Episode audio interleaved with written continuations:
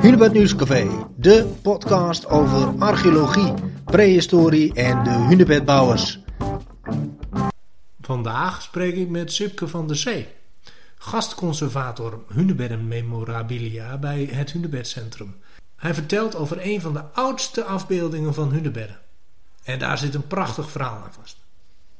Sipke, wij eh, we zitten hier bijeen voor de, voor de podcast van eh, het Hunebed Nieuwscafé. Uh, jij bent gastconservator van het Hunebedcentrum. Um, misschien kun je even uitleggen uh, uh, wie je bent en hoe je met het onderwerp hunebedden verknocht bent geraakt. Ja, dat, die interesse voor hunebedden die zit er al eigenlijk heel erg lang bij mij in. Want op de lagere school hing er al een kaart van Nederland op mijn kamer. En daar had ik met die glazen kopspel ik de hunebedden aangegeven. Um, het was dan ook voor mij een keuze die ik moest maken later na de middelbare school. Wat ga ik studeren? Wordt het archeologie? Of, en dat was dan het andere wat mij wel aansprak, tandheelkunde. En het werd uiteindelijk tandheelkunde. Okay, want in de archeologie waren niet zoveel banen te vinden volgens uh, mensen die er uh, verstand van hadden. En uh, nou, ik vond dat prima. En hm. toch bleef het op de achtergrond altijd sluimeren. En zo werd het een hobby van me. ja. ja. En, en, en wel meer dan een hobby. Uh, uh, je bent ook bestuurslid, nou ja, net geweest bij het Hunebedcentrum. ook ja. betrokken bij allerlei organisaties, verenigingen. Um, en ja, eigenlijk ben je gaandeweg in je leven dingen gaan sparen die te maken hebben met Hunebed. Ja, toen wij in 1993 in Drenthe kwamen wonen, toen vatte ik die oude hobby dan van die hunebedden vatte ik weer op. En ik ja. ging alle hunebedden af. En toen werd ik er zo in geïnteresseerd dat ik natuurlijk ook allerlei boeken erover ging kopen. En toen merkte ik dat er ook heel veel voorwerpen uh, waar afbeeldingen op stonden van hunebedden werden verkocht. En ja, je kunt dat prularia noemen, dat zijn het ook voor het grootste deel. Maar je kunt het ook zeggen, dat zijn souvenirs, zijn memorabilia of zelfs paraphernalia. Hè? Dat zijn min of meer kostbare voorwerpjes. Ja, ja, je moet het allemaal een beetje tussen aanhalingstekens zien. Maar ik kreeg daar aardigheid in en zo ben ik 25 jaar aan het sparen geweest. Voor allerlei zaken die met hunebedden te maken hadden. Ja, eigenlijk dus ook het, het hunebed als, als beeldmerk. Uh, als logo. Als logo ja. ja. misschien een soort Adidas uh, van, van, van de prehistorie. Ja. Maar um, ja, wat opvallend is, is dat het eigenlijk uh, qua tijd natuurlijk ook een beetje begonnen is bij ene meneer Picard of Pickard of Picard of ja. welke uh, vorm je ook precies kiest. Um, kun je wellicht even uh, de luisteraars uh, wat meer vertellen over wie deze man eigenlijk was? Ja, Pickard was eigenlijk een medicus. Hij, het was een Duitser. Hij kwam van net over de grens hier. Hij heeft in Leiden is hij, heeft hij medicijnen gestudeerd. maar daarnaast begon hij met een dominee-studie predikant. En zo werd uiteindelijk, dat vond hij belangrijker. Hij is uiteindelijk dominee geworden. En zo werd hij dus uh, dominee in, in Rolde. En daar heeft uh, hij dan uh, ook de Pickardhoeve nagelaten. Die kun je nog steeds bezoeken. Want we hebben het dan over halfwege de 17e eeuw. Ja, ja, ja, want hij heeft dus als eerste heeft hij echt een geschiedenisboek in het Nederlands geschreven over Drenthe. Daarvoor was wel wat uh, geschreven, maar dat was in het Latijn. Hij schreef het in het Nederlands. En, en dat is natuurlijk het bijzondere, in zijn boek verschenen in 1660 de eerste afbeeldingen van de hunebedden. Kijk, ja, en als uh, ja, hobbyist, fanaat in het sparen van, van, van, van hunebedden uh, en alles wat daarmee te maken heeft, moest je natuurlijk daar meer van weten. Tuurlijk, ja. Ik wilde natuurlijk dat boek hebben. Ja. Ja, af en toe kom je tegen. Het is uh, vrij prijzig. Dan moet je toch al gauw op meer dan 1000 euro rekenen. Uh, vroeger kon je daar nog voor 1000 gulden misschien krijgen. Maar goed, ik heb uh, altijd gekozen voor de, de replica's, de, de kopieën. Ja. En die zijn er ook te krijgen en ook vandaag de dag nog.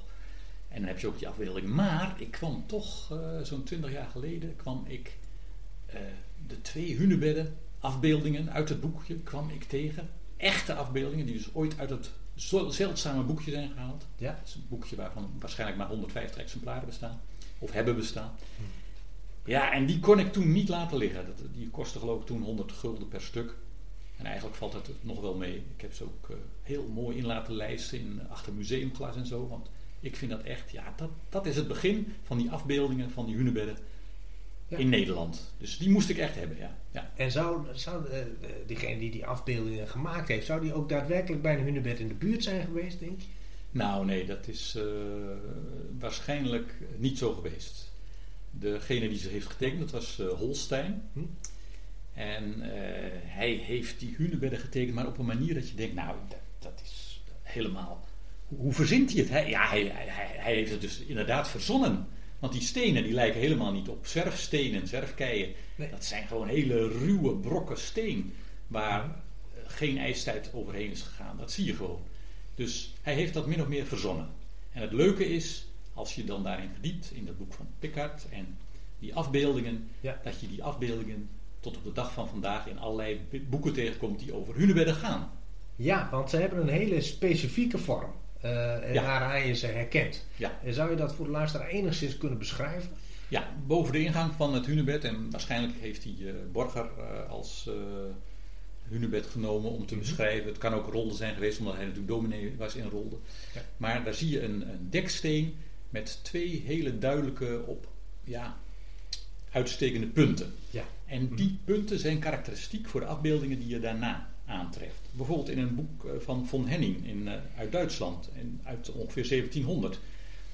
Dan zie je ook weer de reuzen staan bij zo'n hunebed, zoals in, bij Picard er ook was. Mhm. De afbeelding is verder anders, maar die steen die herken je gewoon weer. Die is, dat is gewoon een imitatie van uh, dat prentje uit het boek van Picard. En zo ook het boek van uh, Ludolf Smits uit 1711, die de opgraving van Titia Brongersma beschrijft van het hunebed van Borger. Ja. Die heeft ook weer dat hunebed afgebeeld. Naar, maar dat is gewoon een kopie van het hunebed uit het boek van Pickard.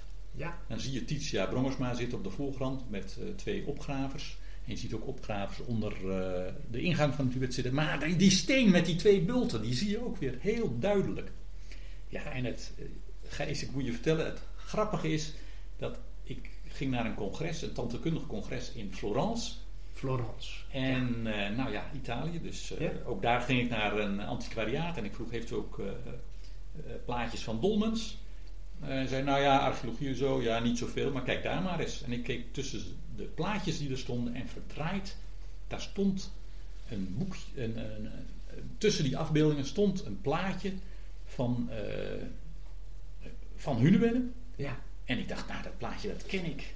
Dus nou ja, ik moest dat gewoon kopen. Dus ik, ik kocht het en ik nam het mee en ik vergeleek het met het plaatje uit het boek van Pickard. En dit is dus een Italiaans plaatje, er staat een tekst in het Italiaans onder. Ja. En het is weer exact die kopie uit het boek van Pickard. Honderden jaren later zelfs gemaakt. Nou, het is, uh, het is, misschien, uh, ja, honderd jaar later misschien, ja, ja ongeveer. Ja, okay. En, en uh, het grappige is ook dat het hunebed wordt steeds groter naar verhouding. bij, bij Pickard zie je de reuzen bij staan en, en een reus eet dan nog een mensje op. Ja. Want uh, ja, reuzen en mensen, dat ging waarschijnlijk niet zo goed samen. Bij Titia Brongersma, dan zie je al dat er... Uh, zie je ook die, dus mensen bij dat hunebed staan. En dan lijkt het hunebed ook al uh, gigantisch groot. Ja. Maar dat Italiaanse plaatje, nou, daar staan mensen bij. Die zijn zo klein, dan denk je echt... Ja. Dat hunebed is zo groot als een kathedraal. Ja, ja precies. Uh, dus je ziet ook heel uh, goed eigenlijk terug aan die afbeeldingen hoe er uh, ja, in die tijd ook naar Hunebed gekeken werd. Ja, zeker. Het was echt iets heel bijzonders en speciaals. En dat, die bijzonderheid kan je natuurlijk vergroten door het Hunebed op zich te vergroten. Ja. Want dat maakt het indrukwekkender. Ja. ja. En dan zie je dus uiteindelijk ja, in, de, in de huidige tekstboeken over Hunebedden en, en studieboeken staan ook nog steeds die plaatjes, meer, min of meer als, uh, ja, als, als, als, iets grappigs. Maar in, uit het boek uit 1900 heb ik er ook nog weer hetzelfde plaatje weer als kopie aangetroffen. Kijk aan. En uh, ook weer met uh, ja, de gravers erbij, die ook ja. al in dat boek van, van Ludolf Smits erbij stonden. Uh, dus ook weer een kopietje. Ja, ja, en zo blijft dat uh, plaatje ons achtervolgen, kan je wel zeggen. Ja, het is ook het oudste plaatje over de hunebedden van Nederland. Dus het is ook eigenlijk wel logisch dat het zo vaak terugkomt. Prachtig verhaal. Uh, ik denk dat mensen zich dit levendig voor zich zien. Ehm, misschien kunnen we nog even kort ja, praten over ehm, ehm, ja, de beelden die, waarvoor ja, het hunebed, zeg maar, wat gebruikt is op eigenlijk allerlei gebruiksvoorwerpen. Uh, we kunnen wellicht in een volgende podcast daar dus nog wat verder over uitweiden. Uh, maar wat heb jij zoal uh, als gastconservator in, in, in deze schitterende collectie allemaal toegevoegd voor het Hunebedcentrum? Ja, je kunt zo gek niet verzinnen of een Hunebed komt er wel op voor. Hè? Ik kwam vandaag nog hier weer in het Hunebedcentrum en toen nam ik nog een handdoek mee. Want die, ja, die heb ik nog niet zo lang geleden aangeschaft en die was ik even vergeten dat die ook nog bij de collectie moest. Ehm, maar ja, uh, natuurlijk alle zaken uh, die toeristen graag meenemen. Dus kleine afbeeldingen van kleine beeldjes, echt als Unibet. Maar ook een mok om uit te drinken. theelepeltjes, dat is mijn specialiteit. 32 stuks heb ik er nu. Ja. Ehm, maar ja, en al die afbeeldingen natuurlijk, foto's, ansichtkaarten. Ansichtkaartcollectie van is ook heel erg groot wat dat betreft. Um, en je ziet dus ook dat die hunebedden voor verschillende, als verschillende symbolen werden gebruikt. Het is natuurlijk niet alleen het symbool van iets heel ouds van uh, de geschiedenis, hè, als het begin van de geschiedenis. Mm-hmm. Maar bijvoorbeeld, ik trof, uh, ik heb een Hunebedden tentoonstelling georganiseerd uh, in 2007. En toen kwam iemand met een stempel aan van een bejaardentehuis waarop het Hunebed ook was afgebeeld. Dus ja. ook al voor het naderend einde of van begraafplaats. Ja, ik vind het een beetje macaber zelfs om dat voor een, voor een rusthuis te gebruiken. Maar ja, zo werd het wel gezien. Ja, ja. Dus onverwoestbaar, onvergankelijk. Uh, iets uh, ja, wat met begraven te maken heeft, wat met geschiedenis te maken heeft. Ja, uh, symbool van Drenthe natuurlijk. Hè. Al die souvenirs van Drenthe waar het hunebed op staat. Naast het badje vaak. Ja. Ja. ja, zo kan je ook doorgaan. Mooi. Nou, ik denk dat wij heel veel wijzer zijn geworden over Picard.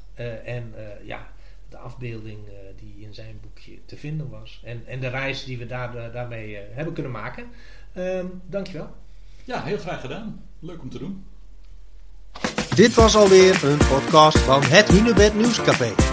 Bedankt voor het luisteren. Heb je nu vragen of een tip voor een mooi onderwerp?